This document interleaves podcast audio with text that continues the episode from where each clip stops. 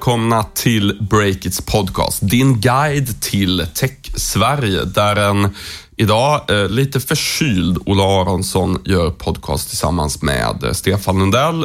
Vi är båda medgrundare till nyhetssajten Breakit. Hur mår du Stefan? Nej, men det är helt okej. Okay. Det är helt okej. Okay. Jag hoppas att du snart frisknar till. Du är alltid hungrig oavsett din, ditt eh, emotionella och fysiska tillstånd. Eller så dör jag och ni andra aktieägare kan glatt Eh, inkassera mina andelar. Eh, men eh, oavsett min hälsa så ska vi idag prata om följande i podden. Vi ska ge svar på frågorna om varför Visa eh, köper in sig i Klarna, eh, varför Kristina Stenbeck plockar in en gammal e-handlare som ny boss i Kinnevik och så två nya, eh, lite halvnya i alla fall, digitala hot mot MTG som har eskalerat i veckan. Men först kör vi fem snabba nyheter. Det gör vi och konstaterar att Facebook nu har nått ännu en milstolpe och passerat två miljarder månatliga aktiva användare. Det här skriver grundaren och VD Mark Zuckerberg själv på Facebook. Vad annars? Det innebär att eh, användarbasen har dubblats faktiskt på mindre än fem år.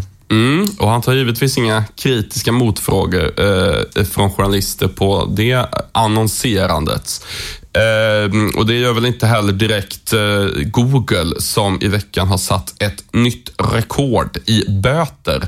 Det är EU-kommissionen som har bötfällt Google med motsvarande 24 miljarder kronor. Eh, och EU-kommissionen hävdar då att Google eh, har sett till att Googles egen shoppingtjänst har hamnat högre upp i sökresultaten än vad som eh, har varit motiverat rent organiskt så att säga. Det har missgynnat konkurrenter och därför får Google den här nya jätteboten och de kommer väl säkert att överklaga det där beslutet. Det kan man nog räkna med. Sen konstaterar vi att eh, solenergiplattformen Trine har fått in en rejäl dos med kapital. Eh, det är bland annat riskkapitalbolaget Guldspång Invest som nu pumpar in runt 60 miljoner kronor i det här Göteborgsbaserade bolaget. Förutom Guldspång så noterar vi också att den tidigare VDn för SEB, Lars Tunnell, eh, finns med bland investerarna. Lite oväntat. Yes, och en nyhet som vi ska prata mer om strax, det är att Kinnevik äntligen har fått en ny permanent VD. Det har ju varit en snackis på aktiemarknaden rätt länge att de har haft eh, svårt, eller i varje fall tagit tid att hitta en ersättare till eh, Lorenzo Grabao efter att eh, de sparkade honom. Men i måndags så kom beskedet att Georgi Ganav är den nya VDn. Han har tidigare varit VD på Dustin, e-handelsbolaget som eh, säljer mycket datorer till kontor och sådär bland annat. Eh, han tillträder först vid årsskiftet dock, men ja, vi snackar mer om det här lite senare i podden.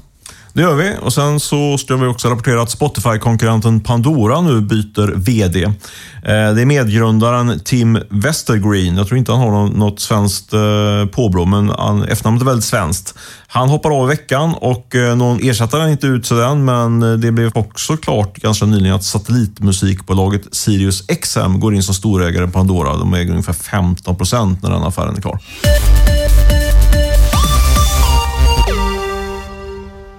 Vi har såklart med oss vår kära huvudsponsor Rackfish även denna vecka. Och idag tänkte vi bjuda på ett litet tips från Rackfish direkt till startups där ute i verkligheten som ska välja sin hostinglösning. Precis, eh, för det blir ju lätt så i unga teknikbolag, eller grundarna kanske själva är utvecklare i grunden, att man satsar väldigt stort eh, redan i början vad gäller hosting för att man vet att man kommer vilja skala upp bolaget globalt.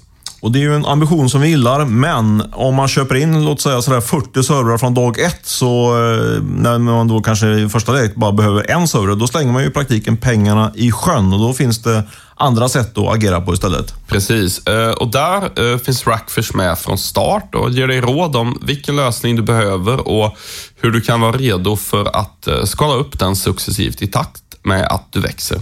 De hjälper dig att spara pengar helt enkelt, även om det i praktiken innebär att de själva får lite mindre betalt för en hostinglösning. Vill du veta mer om Rackfish så mejla Johan direkt på johan at rackfish.com. Rackfish.com. Så berättar han mer. Tack för att ni sponsrar oss, Rackfish. På tisdags eftermiddagen kom den ganska oväntade nyheten, i alla fall för mig, att Visa köper in sig i Klarna, den stora betaljätten här i Sverige. Eh, vad tänkte du, Olle, när du såg den här nyheten på Breakit?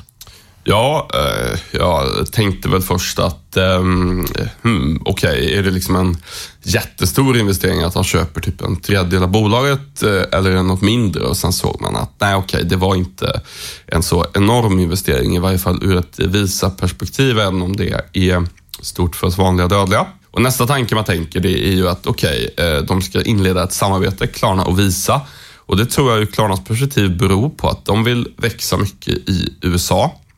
Och eh, Den stora skillnaden mot Europa eh, det är att i USA handlar folk mycket mer med kort eh, och framförallt eh, kreditkort i mycket högre grad när man handlar på nätet. De är ju lite mer sådana i USA att de shoppar för pengar de inte har, lite förenklat. Och eh, det är väl lite oklart egentligen hur det där samarbetet ska gå till eh, rent eh, operativt. Eh, sådär. Det är väl mer det jag sa nu, är väl mer vilken riktning man kan tänka sig att de vill färdas åt. Eh, det behöver inte bli så jättemycket av det. Eh, man minns ju Telia köpte ju in sig i Spotify till exempel och jag har inte sett att deras samarbete har blivit större än det de hade innan så att säga. Däremot så kan man väl säga att det som Klarna har utvecklat mycket i Sverige de senaste åren, det handlar ju mycket om eh, snabba köp med ett klick på faktura och så, som man till exempel kan använda för att teckna en tidningsprenumeration med ett klick. Eh, och i USA kanske man kan göra något motsvarande, men det hamnar på kortfakturan eh, istället, så att säga, kreditkortsfakturan. Men eh,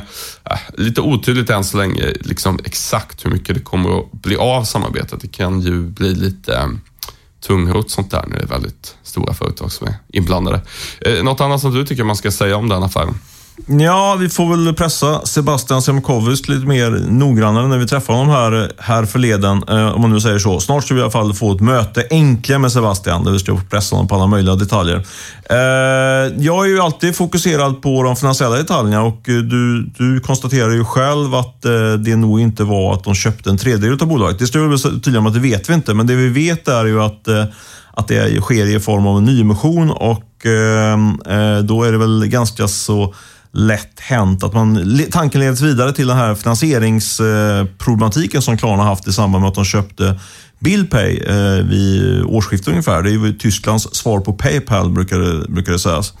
Eh, och det köpet är inte finansierat. Så jag skulle säga att eh, det tyder väl på en del att, eh, att den här nyemissionen som görs, an, tar man in de pengarna och använder dem för att finansiera upp köpet av Billpay som var på sådär 600 miljoner kronor och det innebär ju att Visa inte på något sätt blir, eh, blir någon jätteägare i Klarna. Men vi vet ju inte än. Vi får, vi får hålla kollen på Bolagsverket eh, i, på daglig basis. Som Just det, men det, men det låter ganska rimligt ändå att i och med att det inte är någon jätteinvestering som får Visa att de skulle kunna hosta upp de här pengarna och så i hela Billpay-finansieringen klar sen. Ja, precis. Och vi har ju källor sedan tidigare på att de har löst finansieringen på något sätt, men vi visste inte exakt hur. Men det verkar ju som att den lilla pusselbiten nu är färdig, även också då. Så vi får reda på vem det är som, som finansierar upp det.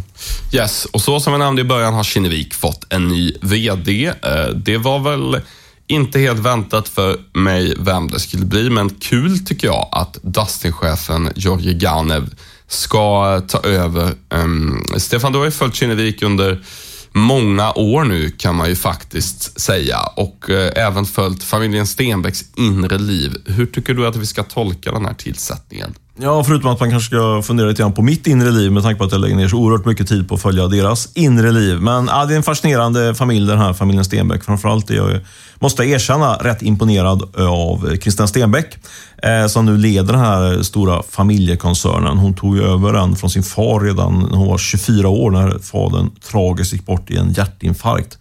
Uh, ja, men tillbaka till utgångsfrågan. Uh, eh, hur ska man tolka den här tillsättningen? Uh, ja, man skulle kunna sammanfatta det med att saker och ting börjar falla på plats i, i Kinnevikssfären nu. Man har, som vi sa i vår lilla ingress, letat efter, eller fem snabba, letat efter den här vdn under en längre tid får man ändå säga. Det har varit en del frågetecken på om man ska hitta den här personen. Och lite symptomatiskt då så var det Christian Stenbeck själv som, som pinpointa den här killen på Dustin och själv ringde upp och gav den första frågan. Eh, så hon löste den frågan själv kan man säga, eh, lite förenklat. Det är en jätteviktig pusselbit. Det andra är att man har eh, nu sålt sitt innehav i Rocket Internet som drivs av de tyska bröderna Samvers som varit en väldigt framgångsrik investering för, för Kinnevik. Men det har ju gnisslat lite grann i det här samarbetet de, de sista, sista året, eller åren kanske till och med. Eh, skönt att få in de pengarna i kassan och samtidigt då har man köpt in sig i eh, Comhem. Eh, köpte närmare 20 procent utav Comhem där, så man fick en, en väldigt strategiskt viktig del i sin telekomsatsning som verkar vara uh, up and running. Det har ju funnits lite spekulationer om om man skulle rent av sälja ut Tele2-innehavet, men det verkar inte alls vara aktuellt nu med tanke på den affären. Nej, och det känns väl som att eh, de går på det här spåret som den utveckling vi har sett i USA, att man så att säga behåller både bredbandsleverantören och innehållsproducenter, typ MTG och sådär. Och eh, försöka hitta ett sätt att på sikt kanske slå ihop allt det där och liksom få en, eh, ja, det här liksom Comcast Time Warner-tänket, att man så att säga äger både den som skickar ut eh, innehållet och den som producerar det för att liksom kunna ta något helhetsgrepp kring det där och det går in i diskussion kring nätneutralitet och allt möjligt. Men eh, det, det, ska vi inte prata om just den här podden. Men, eh, ja, men det tror jag, men, jag tror du är helt rätt. Det, det tror jag är ett eh, troligt scenario faktiskt, att MTG och Tele2 slås ihop dem och kanske med kom hem också det sista i, om man fusionerar in den. Mm, det är rätt smart också med tanke på att det är ju alltså otroligt svårt att slå ihop teleoperatörer generellt runt om i Europa och sådär. För konkurrensmyndigheterna säger alltid stopp för att då kommer du kunna höja priserna till konsument för mycket och sådär. Men eh, det kanske inte finns samma hinder att slå ihop det med ett tv-bolag, vad vet jag. Eh, du, åter till ämnet. Eh, vem är Georgi Ganev? Ja, det är vad jag förstår en riktig supersäljare och då eh, måste man notera då en, e-handlare. Dustin är ju en framgångsrik e-handlare. Eh, och Det tycker jag är intressant att notera om man jämför med eh, sin företrädare som var en riktig finanskille. jobbat på Goldman Sachs tror jag det var. Uh, nu får man in liksom en mycket mer handfast doer, uh, operativ person och jag noterar att Christian Stenbeck själv Eh, skrev, eller sa, uttalade sig i en intervju i Financial Times på morgonen att det är nu, hon nu får in en specialist och inte en generalist. Eh, får man se liksom, kanske som en passning till den sparkade vd, någon som som sagt var mer en finanskille utan operativa kunskaper. Eh, och Jag tror att man kan se framför sig att, eh, att den nya vdn kommer att engagera sig mer handfast då i portföljbolagen. inte minst då bolag med med e-handelskoppling. Sen tycker jag det är intressant också att notera att Christian Stenbeck nu när, när de här bitarna fallit på plats eh, kan eh, ägna sig mer helhjärtat åt det som hon var, var sugen på eh, när hon hoppar av som ordförande i Kinnevik. Och det är att hitta nya spännande investeringsobjekt. Kanske på jakt efter, eller det är hon definitivt på jakt efter nästa sallad, men vi får se om hon lyckas också. Men hon har ju större, mer tid nu för att ägna sig åt den jakten.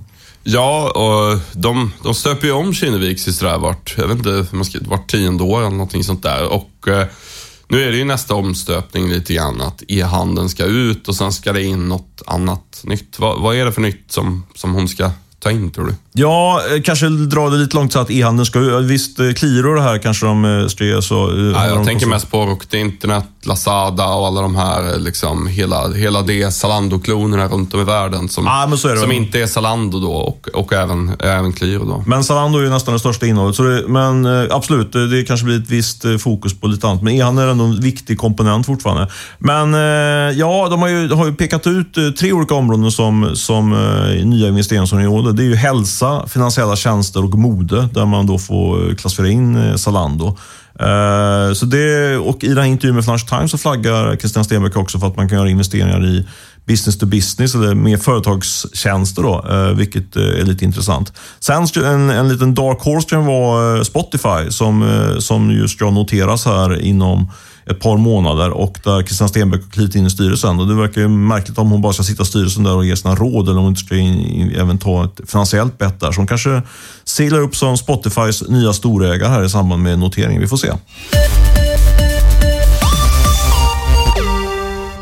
Det här poddavsnittet sponsras av Swedbank och Sparbankerna i samarbete med Sprinklebit. Yes, och Sprinklebit är ett amerikanskt fintechbolag grundat av den svenska entreprenören Alexander Wallin. Och de har som mål att göra det lättare och roligare att investera i aktier.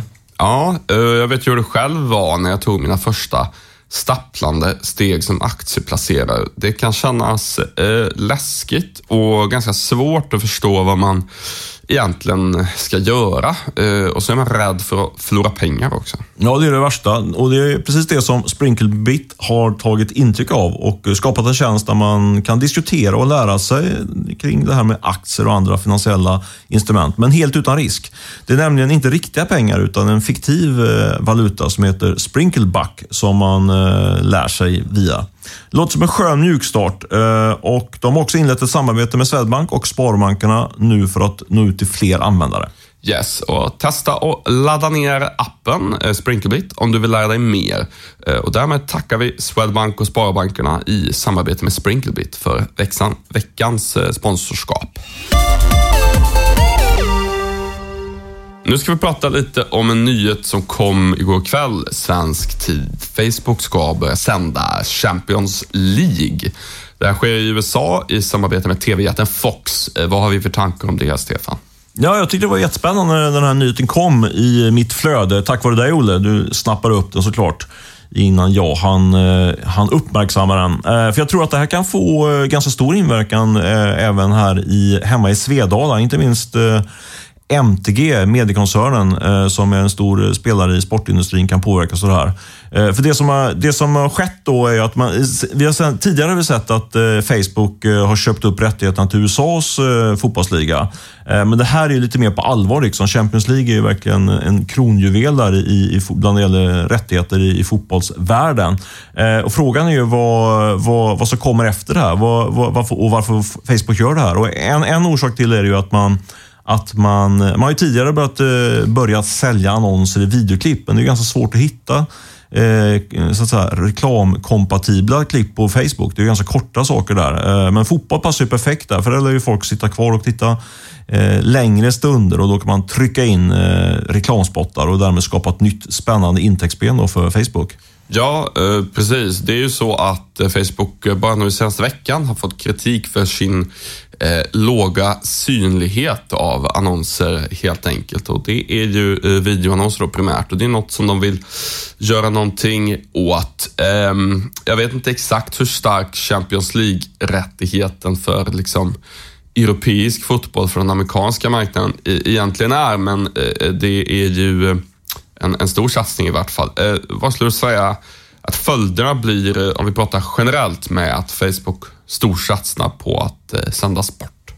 Ja, men om, man, om man tolkar in det här som att det verkligen är ett seriöst kliv in i den här världen och även eh, och man tänker sig att, att man Att det är början på något mycket större helt enkelt? Ja, men precis. Att man kör lite grann USA som en testmarknad och ser man att det flyger där så, så kliver man in i, i Europa också.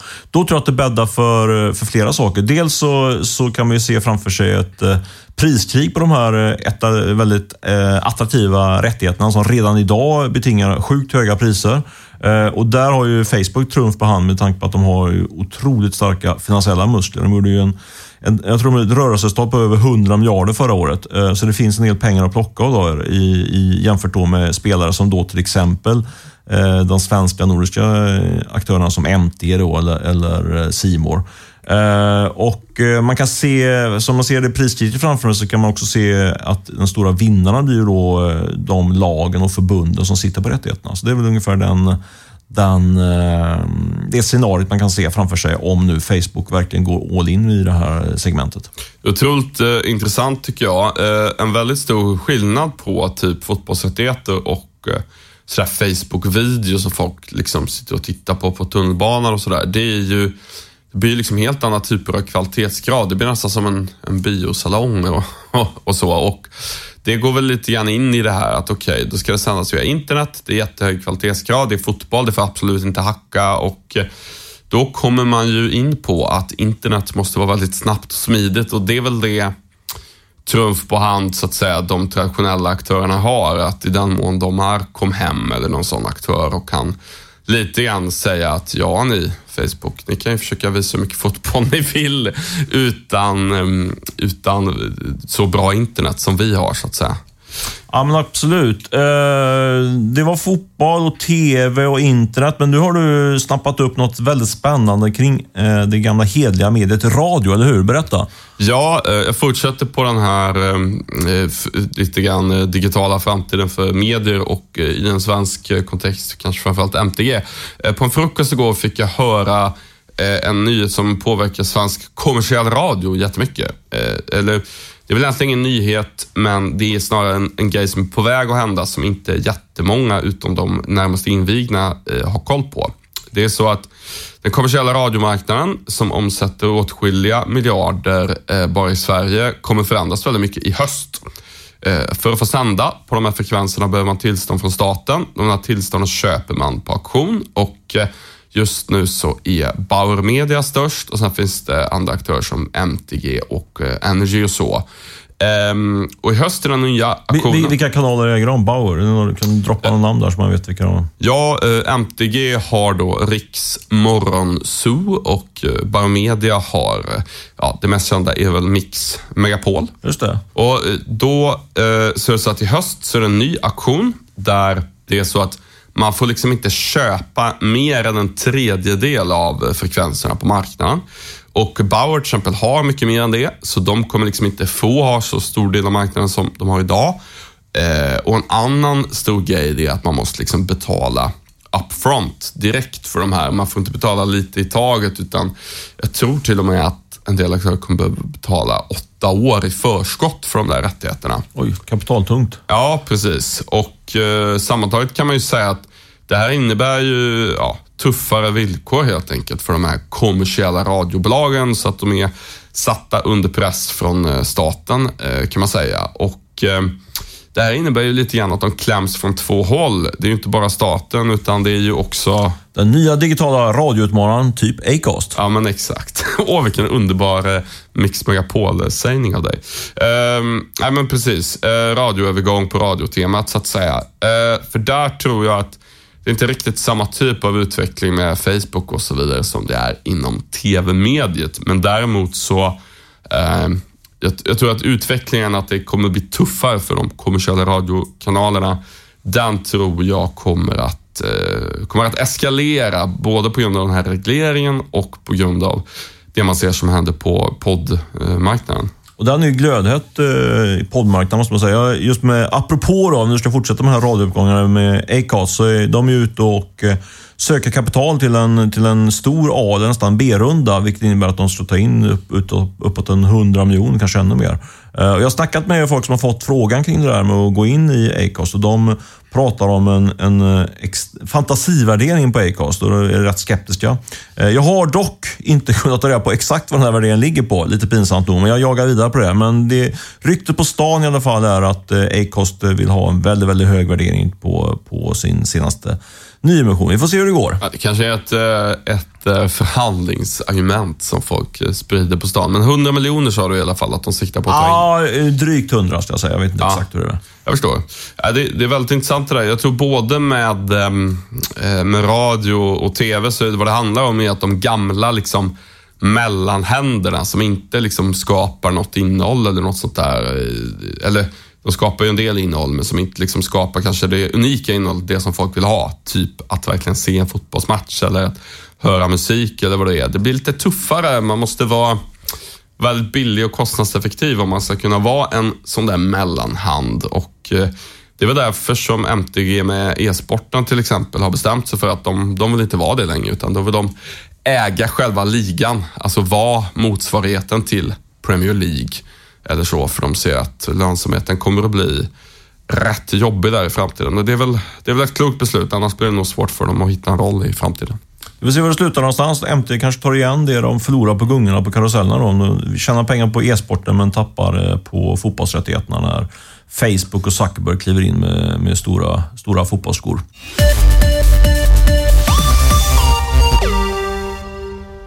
Veckans podd sponsras också av Coop, en av Sveriges tyngsta aktörer inom livsmedel som nu tar ett grepp om foodtech. Eftersom de vill vara med och driva utvecklingen av eh, framtidens mat helt enkelt. Yes, och ny teknik driver ju fram inte bara nya lösningar för till exempel odling och nya saker man kan eh, äta konkret, utan Eh, det driver också fram andra sätt att till exempel transportera mat, handla mat, mäta kvalitet och hållbarhet och eh, så vidare. Och för att kickstarta en eh, större diskussion kring allt det här så bjuder Coop tillsammans med oss här på Breakit in till en halvdag om foodtech i Almedalen. nästa vecka. Där ska vi prata om detta, bland annat med Oatlys grundare Rickard Öste, Fridrika Gullfot som har dragit igång Simris Alg och Coops onlinechef Katrin Folkesson. Precis, och det här går av stapeln på onsdag den 5 juli i Visby. Ni kan gå in på breakit.se och klicka på event så hittar ni all övrig info där. Eh, varmt välkomna och tack Coop för att ni sponsrar podden. Yes, då blir det dags att runda av det här. Vi måste ju puffa, eh, precis som vi gjorde här i vårt lilla sponsinslag precis, för vår satsning på Almedalen. Eh, vi är ju där eh, tisdag och onsdag framförallt nästa vecka. Gå in på breakit.se och kolla in vad vi har på programmet där. Jag är faktiskt eh, helt övertygad om att ni kommer hitta någonting som är intressant där. Så är ni i Visby de här dagarna tycker jag absolut ni ska komma förbi. Verkligen. Vi har ju Niklas Adelbert som har grundat Klarna. Eh, vi har ju bland annat SEBs nye VD Johan Torjeby. Eh, Isabella Lövengrip har vi Vi har. Isabella Lövengrip. Eh, Jag själv är väldigt nyfiken på att höra från Anna Omstedt vad som händer med Med Universe, en svensk eh, väldigt intressant eh, hälsotech-startup som jag tycker det var länge sedan man hörde någonting om. Eh, Peter Karlsson som har grundat Northvolt kommer vara där med, med flera med flera. Så att, eh, Tidigare Tesla. Teknikchef Tesla. Precis, så att det är ett eh, väldigt intressant gäng och, och många fler som ska vara där och, och snacka.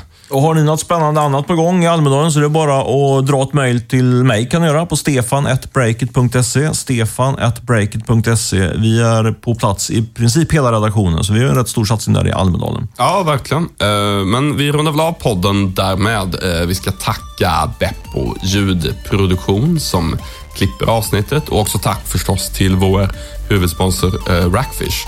Vi hörs nästa vecka då podden spelas in från eh, Almedalen. Ha det gott så hörs vi. Hej hej!